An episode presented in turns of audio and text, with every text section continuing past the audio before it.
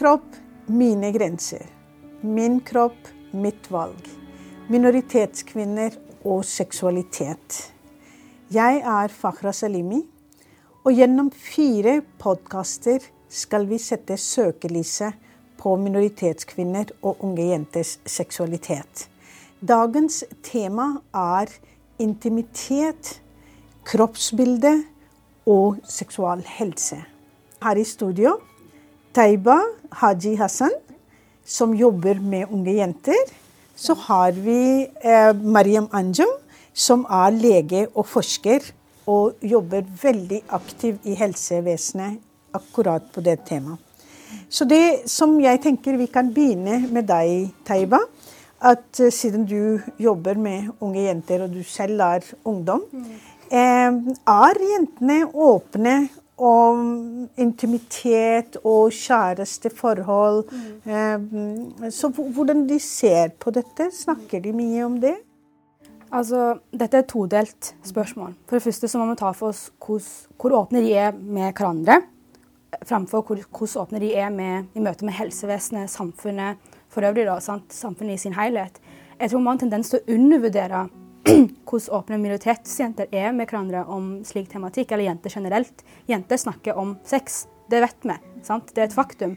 Men med minoritetsjenter så tror jeg at det, det er litt mer fokus på altså, Det blir snakka bak lukkede dører når brødre, fedre, tanter osv. ikke er hjemme på overnattingsbesøk og sånn som det, i håp om å ikke bli tatt på fersken. da, sant? Og det her handler om, om skam, som vi kommer tilbake til.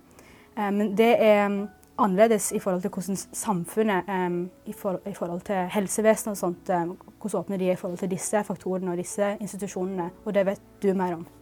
Mm. Men uh, kjæresteforhold, er de komfortable? Er det, det, er, det er mye eh, snakk om det?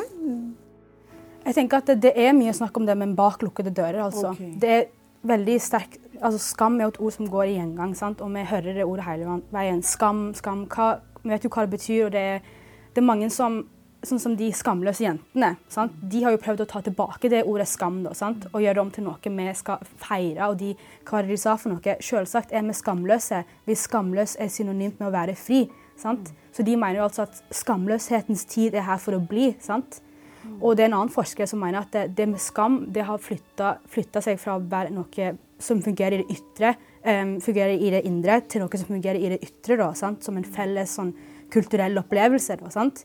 Men det ja. har jo alltid vært. Eh, jeg tenker at i alle samfunn mm. Eh, så kunne seksualitet har blitt uh, forbundet med uh, skam, f.eks., eller, eller uh, noe som ikke er akseptabelt mm. i samfunnet. Mm. Så den, mm, det du snakker om skam, eh, er det rundt kroppen, mm. eller eh, er det rundt å ha et seksuelt forhold? Mm.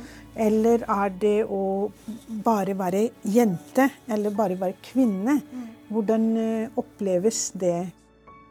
Tenker at det har mye å gjøre med um, både kropp og det å være kvinne, og alt det er satt sammen. Det er veldig sammensatt men det handler om å være ei jente og ville oppsøke eh, mer informasjon om sex. Sant? Å være jente, og ikke minst ei minoritetsjente. Sant?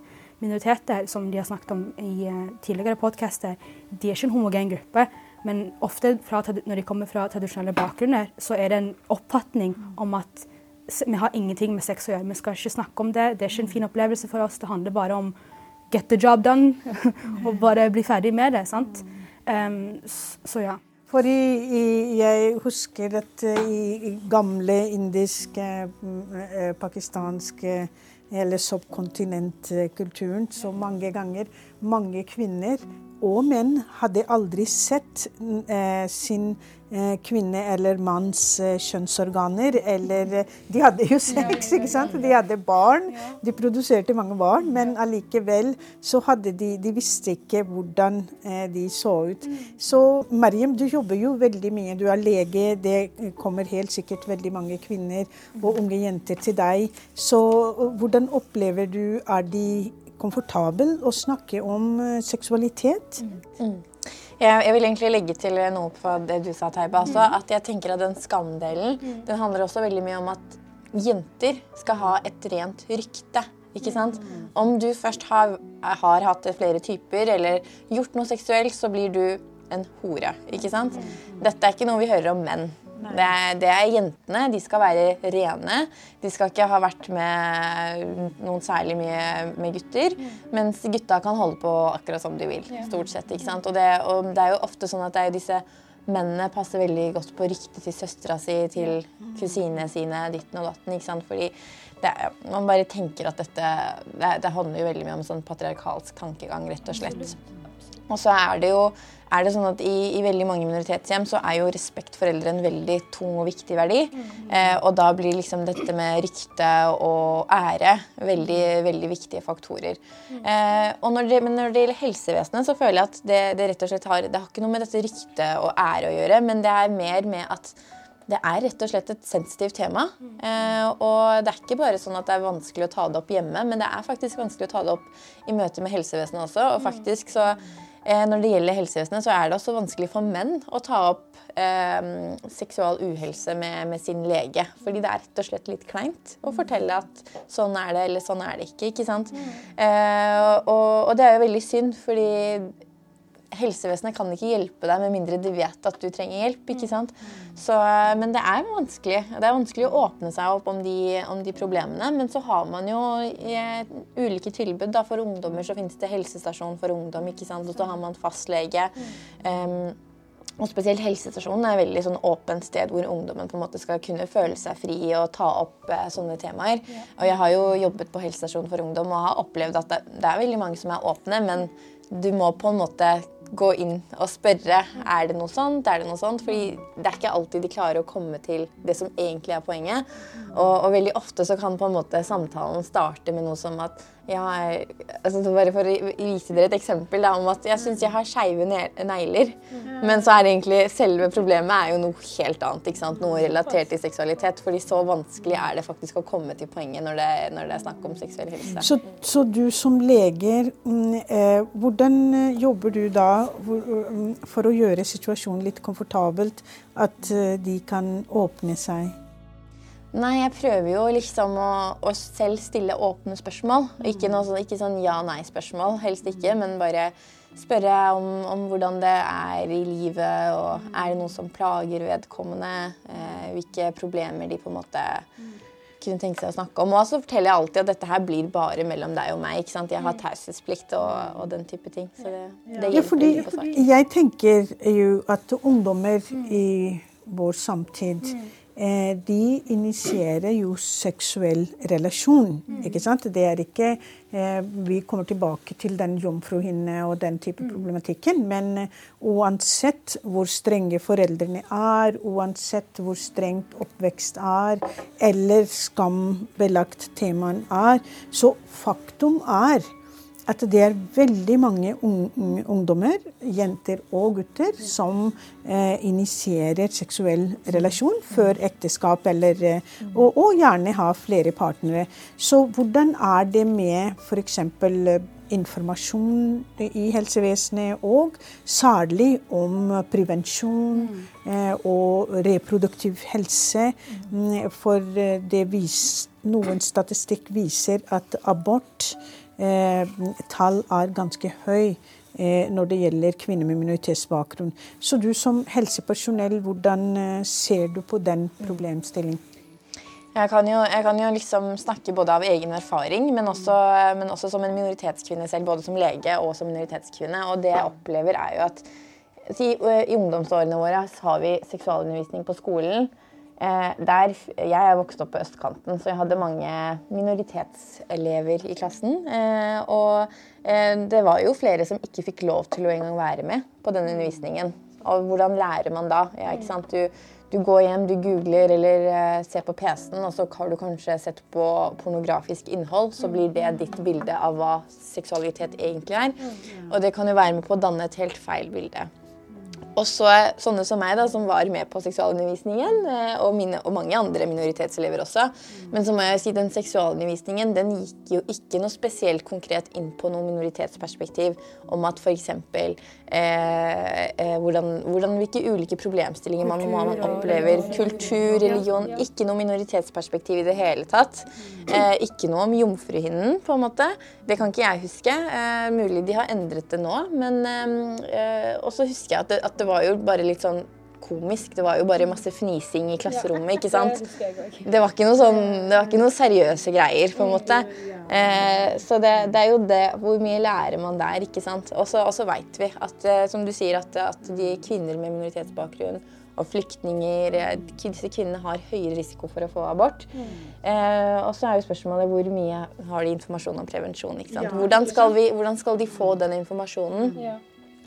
Det er jo det er veldig vanskelig. Spesielt når du Det må være noe system for at når de faktisk eh, De som på en måte har innvandret, da, får noe informasjon om dette her etter innvandringen, gjennom integreringen, at de mm. får denne kunnskapen her, så må vi bare fortsette å gi seksualundervisning. Det er sånn jeg pleier å si at Seksualundervisning er ikke bare for ungdomsskolen, det er en mm. livslang prosess. Må, man, blir, man, er fer, aldri ferdig utlært. Mm, eh, og ja, kunnskapen man har, også driver og endrer seg hele tida. Det gjør han. Men det at det er sammenhenger mellom altså, lav integrering og fødselsdepresjon og um, hva mer var det for noe?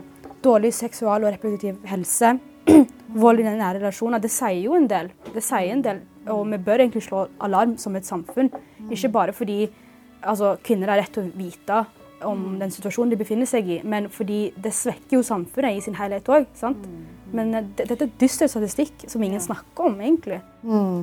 Men uh, unge jenter, vanligvis i skolen mm. så kjenner jeg faktisk at uh, det er uh, helsesøster, det er tilbud om uh, at jentene som kommer uh, inn i puberteten og over den alderen mm. uh, hvor de kan være seksuelt aktive, mm. at man kan få den type informasjon. Mm. så hvordan er blant minoritetskvinner? Har dere noe kjennskap til at de også benytter seg av helsesøstrene og få informasjon om prevensjon eller bruke prevensjon mm. eh, for, for å, redsel for å bli gravid mm. kan jo være veldig hemmende mm. for at eh, eh, man skal eh, ha et komfortabelt, en, en, normal, naturlig forhold til sin egen seksualitet. Mm. Jeg tror ikke det er tvil om at det finnes nok informasjon om prevensjon der ute. Men om den er retta mot minoritets kvinner. Det er et helt annet spørsmål. Og hvordan kan man gjøre det? Jeg mener, Hva er det som, er, som skal gjøres der? Det er et veldig godt spørsmål, og det er det hele kampanjen baserer seg på. Da, vi må ta eh, vi må inkludere kulturelle og sånn religiøse variasjoner eh, i, eh, i, denne diskursen, problematikken. kan kanskje se på prevensjon og seksual helse, reproduktiv helse, som bare sånn en slags binær enten-eller. på en måte. Enten så bruker du det, eller så ikke. Eh, enten så har du en bra seksual helse, eller ikke. For det er så mange faktorer som gjør det vanskelig for minoritetskvinner eh, å nå en god seksual helse. Det er så mange hindringer både i samfunnet, mangel på informasjon, det vet du mye mer om enn meg, men òg med familie og eh, sånn æreskultur. Og det er så mye som vi ikke har nok informasjon om retta mot minoritetsjenter. Så det handler om å inkludere disse perspektivene som ja, religion og kultur og alt Men den er litt kritisk til det. Fordi jeg tenker at hva Ja, religion og kultur mm. er eh, et hinder. Mm. Men eh, vi lever jo i et likestillingsland. Mm. Eh, og alle kvinner og unge jenter med minoritetsbakgrunn kommer en gang i livet eller flere ganger i livet i kontakt med helsevesenet. Mm. Enten gjennom fødsler eller gjennom eh, andre sykdommer eller gjennom andre ting. Så, så eh, hvis vi sier nå at helsevesenet må gjøre noe, mm. eller eh, for, for, når man sitter, når man trenger noen, man sitter hos en lege, så er ikke noe religion eller kultur. Da er det du sitter hos en lege. ikke sant? Så, så hva er det som svikt Hvor ligger svikt i systemet, tenker jeg. Er, I helsevesenet så har vi et mål eh, som faktisk går ut på at man også skal få en bedre seksuell helse. ikke sant? Mm. Eh, og det er jo, Vi vet at det er tabubelagt, og at folk sliter med å ta dette opp som tema. Mm. Så det vi leger og helsepersonell generelt må bli flinkere til, er jo å faktisk sjøl gå inn og ta opp dette her som et tema. Mm. Vi må selv på en måte åpne opp samtalen og gå inn på seksuell helse. Mm. Eh, for da kan faktisk pasienten kanskje føle at det er lettere å gå inn på det. Hvis ikke ja. så hender ja. det ofte at man egentlig vil snakke om det, men ender opp med å bare snakke om andre ting. Eh, og, og, det, og, hvis vi faktisk er flinke nok, så tror jeg vi kan, vi kan eh, få en bedring i det. Vi vet jo at nå er det faktisk en standard at etter fødsel da, så jo, får du disse kontrollene hos jordmor. Og på seksukerskontrollen så får alle kvinner Så skal alle jordmødrene snakke med kvinnen da, eh, om prevensjon. Eh, men skulle gjerne hatt den samtalen før man ble gravid ikke også. ikke sant? jeg tror bare det er viktig å understreke at um, religion og kultur er ikke alltid nødvendigvis en negativ faktor. Ja, det er det jeg ja, tenker, det det at du understreker ja. Eh, det, men så er hvor, hvor mye spiller den rollen? Ja, veldig godt spørsmål. Jeg tror, jeg tror det er i kombinasjon med å være et bindestreksbarn eller bo i en kultur som eller bo i ja, et land som ikke er, eh, altså du er ikke opprinnelig fra, eller foreldrene dine er ikke fra. Det skaper på en måte en slags ny type problematikk. da, sant? Jeg tror følelser, det å inkludere følelser i, um, i denne diskusjonen, det er utrolig viktig, og det tror jeg faktisk helsevesenet bør jobbe mye mer med. og hvor viktig det er å føle, ikke bare på seksualhelse i, på kroppen, men i sinn òg. Men eh, tilbake til den her med eh, kroppsbildet. Selv, bildet av, uh, av seg selv som et F.eks. Uh, eh, mange gutter mm. er jo oppdratt til, mm. til å være aktiv og være seksuelle vesener også. At de har seksuelle behov. Mm. Eh, at jenter ser på seg selv eller sin kroppsutvikling, og når de begynner å få f.eks. Mm, pupper, og når begynner, kroppen begynner å vokse. Mm, hvilken type da, da, hva, slags har dere noe erfaring med hva skjer med jentene? ikke sant? Er det noen sånn eh, åpenhet rundt det? Eh, hvordan jentene eh, snakker med andre jenter? Hvordan Er det noe eh, relasjon til mor og eh, datter? ikke sant? Det er jo veldig mange ting som jeg er veldig nysgjerrig eh, hva erfaringen sier, Teiva. Mm. Altså, det er jo veldig gode refleksjoner, det her, og veldig sånn, interessant tema. Jeg tror at mange, i forhold til kroppsbildet, jeg tror mange minoritetsjenter, dette ut fra egen erfaring, ser på seg sjøl i relasjon til andre. Gir det mening? Så som en minoritetskvinne så er du alltid en datter. Kroppen din tilhører alltid på en måte enten foreldrene dine, eller så en mann, ektemann, eller så et barn i fremtiden. da, sant? Et men dette er jo ganske stereotypisk eh, tenkning.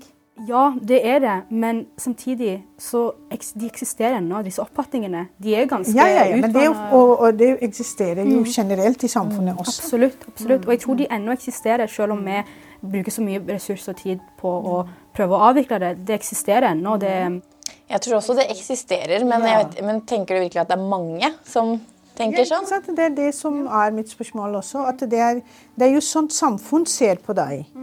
Samfunn, fordi det, det er to ting. Skal uh, den måte majoritetssamfunn ser på deg, mm. og den måten du ser på deg selv. Ja. Så hvis du har internalisert mm. den måten samfunnet ser på deg, mm. så er den, det du sier, kultur, religion og sånn, det blir viktigere ting. Yeah. Men uh, hvis du selv har en empowered tanke, og du tenker om deg selv som individ, som en sterk kvinne, sterk jente, og har dine meninger, da har du faktisk eh, Da bryter du noen av disse stereotypiske bildene.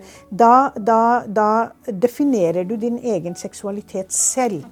Så, så, så, det som uh, Mira-senterets kampanje handler om, er jo nettopp å bryte det bildet som samfunnet har av deg, deg hvordan du er. Eh, også gi jentene skape et rom hvor jentene kan definere hvordan de har det, hvordan de føler. ikke sant? Og, og at det er ikke noe feil å ha en kjæreste. Det er ikke noe feil å ha et seksuelt forhold. Det er ikke, noe, det er ikke feil å bruke prevensjoner, f.eks. For eh, fordi eh, da kommer vi tilbake til den her jomfruhinne-greia. For det er veldig mange som er opptatt av det. Så er det eh, noen henvendelser som kommer til deg som lege. Du merker det også? Altså, det er jo det at det er veldig mange som tror på at det finnes en jomfruhinne. Det, det er faktisk et faktum. Det er veldig mange som tror at det finnes en jomfruhinne. Men det gjør jo alle sammen, ikke sant? Ja, og, og at, faktisk at man skal blø første natten man har, eller første gangen man har, eh, har samleie. ikke sant? Fordi da skal den jomfruhinna sprekke. Eh, og det er jo en myte som, eh, som eh, jeg kan bli veldig frustrert over. fordi det er jo faktisk sånn at eh, hvis ikke man da blør den første, første gangen man har samleie, så kan man eh, risikere å bli til og med drept. Eh, ikke sant? Du, eh, du har ødelagt ære for en på en måte familie. Eh, og hvis man på en måte ser på medienes søkelys da, på dette med jomfruhinner, så har man jo sett at det faktisk har vært leger i Norge som har tilbudt dette her. Eh, som selvfølgelig er imot helsepersonellovens krav til forsvarlige tjenester på alle måter. Eh, men, eh, men det er liksom blitt gjort, og, og jeg kan bli veldig frustrert over det. For jeg skjønner ikke hva disse legene da har på en måte sjekka. Eh, hvordan de avkrefter eller bekrefter. fordi det, er, det fins ikke noe jomfruhinne. Eh, Det er ikke noe du kan se der inne som på en måte er der før, men som blir borte etter samleie. ikke sant? Så det er bare personen sjøl som kan vite om man er jomfru eller ikke. Eh, og så vet jeg at i, i, så kan du reise til andre land. Der kan de i tillegg til å sjekke kan de på en måte drive og faktisk fikse på denne jomfruen. De kan plutselig konstruere noe. Og hva de setter inn der, ikke sant? det, det veit man ikke. Men eh, alt er jo bare basert på tull og fjas om, eh, eh, og en tanke på at du faktisk skal blø første natten. Du blør hvis du ikke er varm nok, hvis du ikke er opphisset. Rett og slett fordi partneren din har gjort en dårlig jobb. Ikke fordi du er en dårlig jente eller kvinne eller Jeg tror det er veldig viktig å stille det ordet myte konsekvens opp, opp imot jomfruhinna. For det er en myte. Vi må få det avklart. sant? En myte. Det, var, det, var, det, det, det som var morsomt, er at en periode hvor eh, Mira-senteret fikk veldig mange telefonhenvendelser, at eh, kan vi hjelpe å gi informasjon om hvor de kan eh, få mm, rekonstruert dette. Så kom jo også veldig mange sånn at i, rekonstru i rekonstruksjon så bruker de grisehud eller et eller annet. Og da, da, da plutselig alle de som var muslimer, de ville ikke jeg tenker at det var, det var også veldig eh, eh, trist sak. Eh, Men, men eh, heldigvis så mm, har jo Mira-senteret alltid vært veldig klar over at eh, dette er en myte, og dette er egentlig kvinneundertrykkende praksis, fordi mm, jentene som velger å ha seksuell erfaring før de gifter seg, mm. det er helt ålreit. De må eie sin kropp, og de må eie det valget de har gjort. Ikke sant? Man kan ikke begynne et samliv en, eh, med løgn. Det i seg selv er veldig eh, alvorlig. Og m, jentene kommer til å ha den store psykiske problemer. At hva skjer hvis det kommer ut? Hva skjer hvis det kommer ut? Ikke sant? Så Det er jo en myte vi har inn i den myten har vi dytta mange verdier, sånn som eh, moralitet og politikk og eh, sånn som det. Og jeg vet at i, i noen stammer i Sør-Afrika så er det sånn at um, de tester jomfruhinna for å se om den har blitt sprukket, em, for å verne samfunnet mot hiv, mot aids. Sant? Og uh, han, eh, lederen av den stammen han mente at han rettferdiggjorde det med å si at uh, ja, um, det er lettere å kontrollere jenter enn gutter. Derfor tester vi jentene og ingen andre. sant? Og disse, det er ganske sykt å tenke på. Selv om det er høyere forekomst av hiv hos menn. ikke sant? ja. Der har du det akkurat. Sier litt om hvilket samfunn vi lever i. ikke sant? Og det er jo menn som har smittet kvinner, særlig eh, statistikken viser i subkontinentet Indi- India, Pakistan, Bangladesh og sånn, så er det veldig mange menn som har smittet kvinner. Eh, og, og det har vært veldig mye fokus på det sånn tragiske som skjer med kvinner. Så det er jo en veldig mm, Så vi, vi lever i en veldig sexfiksert samfunn hvor, eh, mm, eh, eh, hvor liksom fokuset er eh, kvinners seksualitet, og ikke nødvendigvis eh, kvinners seksualhelse, liksom. Ikke sant? Så, men eh, jeg vil gjerne også mm, eh, spørre deg, eh, mm, eh, Mariam, at det er veldig mange minoritetskvinner som har eh, annerledes utfordringer eh, i forhold til andre kvinner når det gjelder seksual helse. Eh, F.eks. kvinner som har vært gjennom eh, kjønnslemleste, som kom til Norge mm, eh, etter at de mm, eh, var utsatt for den tradisjonen. Mm. Så, så he, hvordan håndterer helsevesenet det, mm. den situasjonen? Mm. Det er et godt spørsmål. Eh, og sannheten er at vi vet ikke om noen er utsatt for kjønnslemlestelse med mindre personen selv forteller. ikke sant? Og det er ikke noe som er lett å fortelle eh, for, eh, for uh, kvinner. Eh, men, eh, men, det er jo et tilbud ikke sant, som eksisterer for disse kvinnene. Eh, fordi det fins flere typer type, inngrep du kan ha. Og alle er jo selvfølgelig utsatt, ut, gjort pga alle andre årsaker enn rent medisinske. ikke sant? Eh, eh, og det, jo, det, kan være små inngrep, men det kan også være store og katastrofale inngrep. Eh, og så tilbyr jo eh, de gynekologiske avdelingene eh, hjelp hvor man da eh, gjøre opp denne kirurgiske hendelsen ved andre kirurgiske metoder. Eh, og det kan man både gjøre før graviditet, helst, eh, men også under svangerskap og etter eller underveis under fødsel kan man faktisk også åpne opp. Da. Fordi det kan jo være veldig vansker med fødsel. Eh, og I tillegg til vansker med fødsel så kan man faktisk være infertil, slite med å få barn. Og man kan ha en haug med andre problemer som eh, ja, syster, smerter, urinblæreproblemer, tarmproblemer. ikke sant? Og dette er jo bare de fysiske problemene, men de psykiske ikke sant? Du, du driver jo faktisk og, og, og, skjærer av klitoris, ikke sant? som er den delen som faktisk skal gi deg nytelse. Eh, og ja, det, det, det, det handler bare om at etter det så kan veldig, veldig mange kvinner oppleve ja, i traumer. Det er bare vondt å ha å eh, inngå i seksuelle relasjoner. Så den psykiske belastningen tror jeg også er minst like viktig at man får bearbeida. Men er det en offisiell statistikk på det? For jeg har lest at det er over 15 000 som kan ha gjennomgått det her i Norge, som har kommet fra andre land.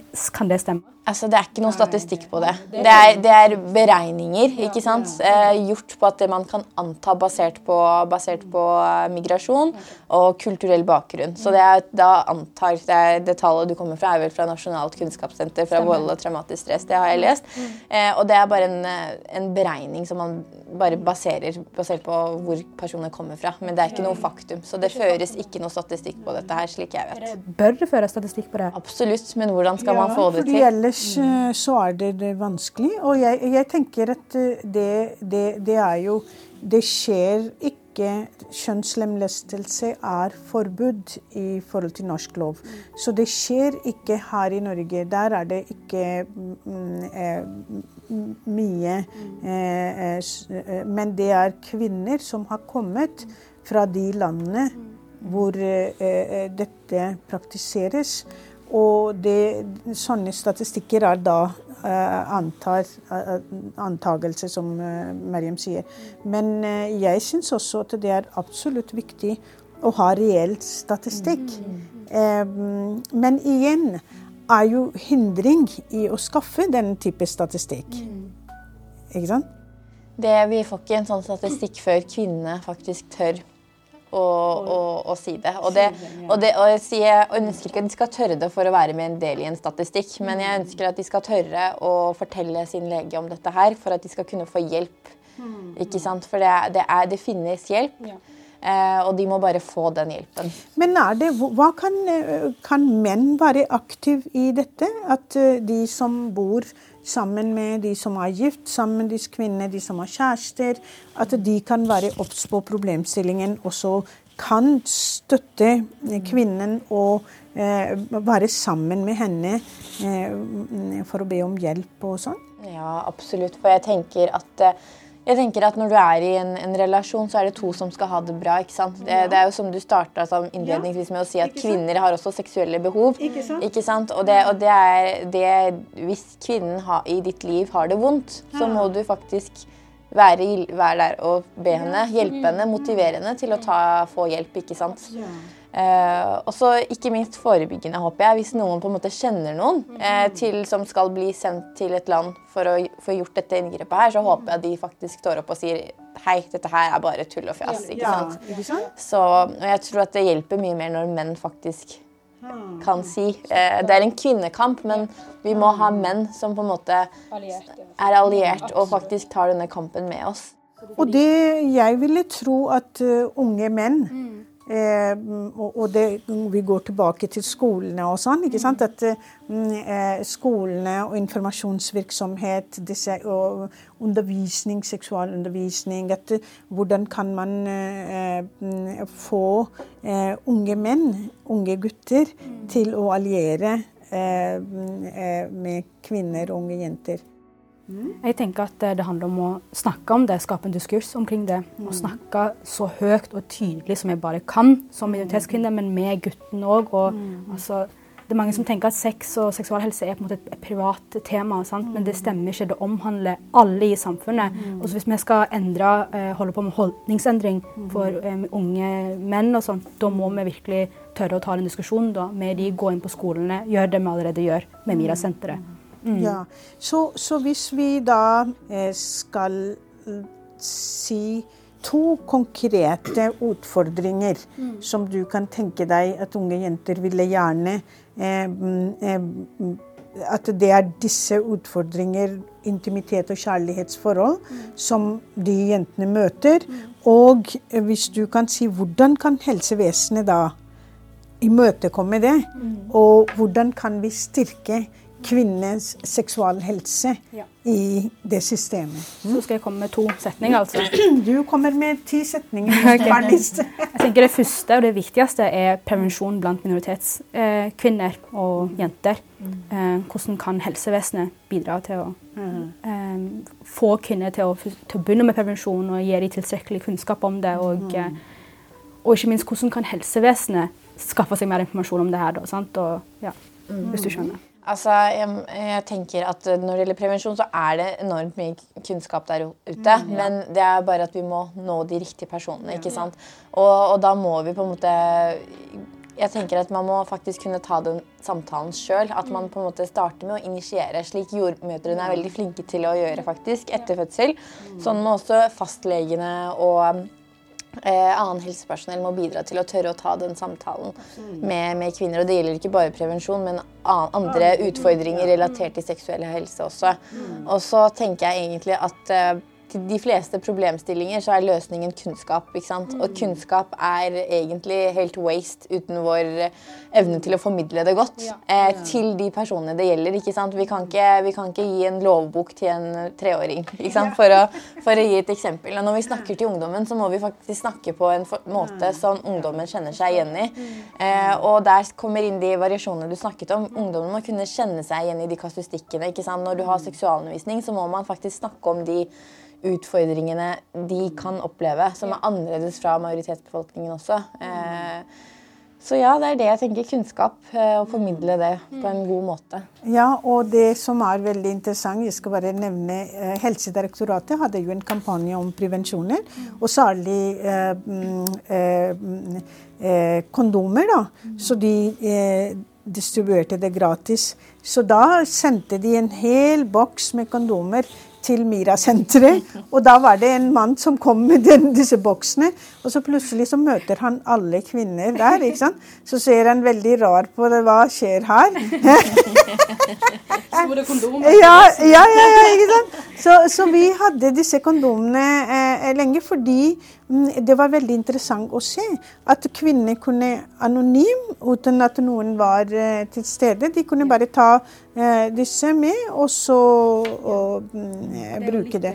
Og det var også for voksne kvinner. ikke sant? Det er ikke bare unge jenter, men det var voksne kvinner.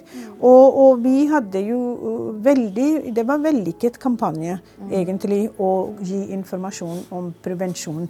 Men Men som sagt, seksual helse handler ikke bare om prevensjoner eller intimitet eller eh, de få sakene som vi har kommet med. Seksual helse handler om en kvinnes helhetlige livssituasjon.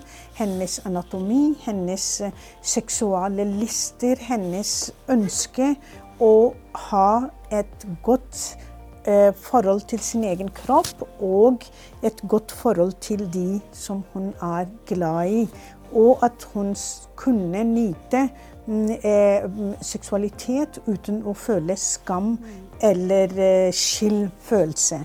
Eh, og at samfunnet skal tilrettelegge at kvinneseksualitet blir akseptert som en del av et positiv utvikling. En skikkelig bra likestillingstiltak. Ja. Så det er det som uh, denne kampanjen kommer til å handle om, og handler om. At vi skal skape et rom hvor unge jenter, kvinner, kan snakke sammen, mm. bygge nettverk. Og vi kommer til å invitere deg mye, Mariam, som lege og fagperson, slik at du kan bidra med videre. Tusen takk, dere. Takk selv.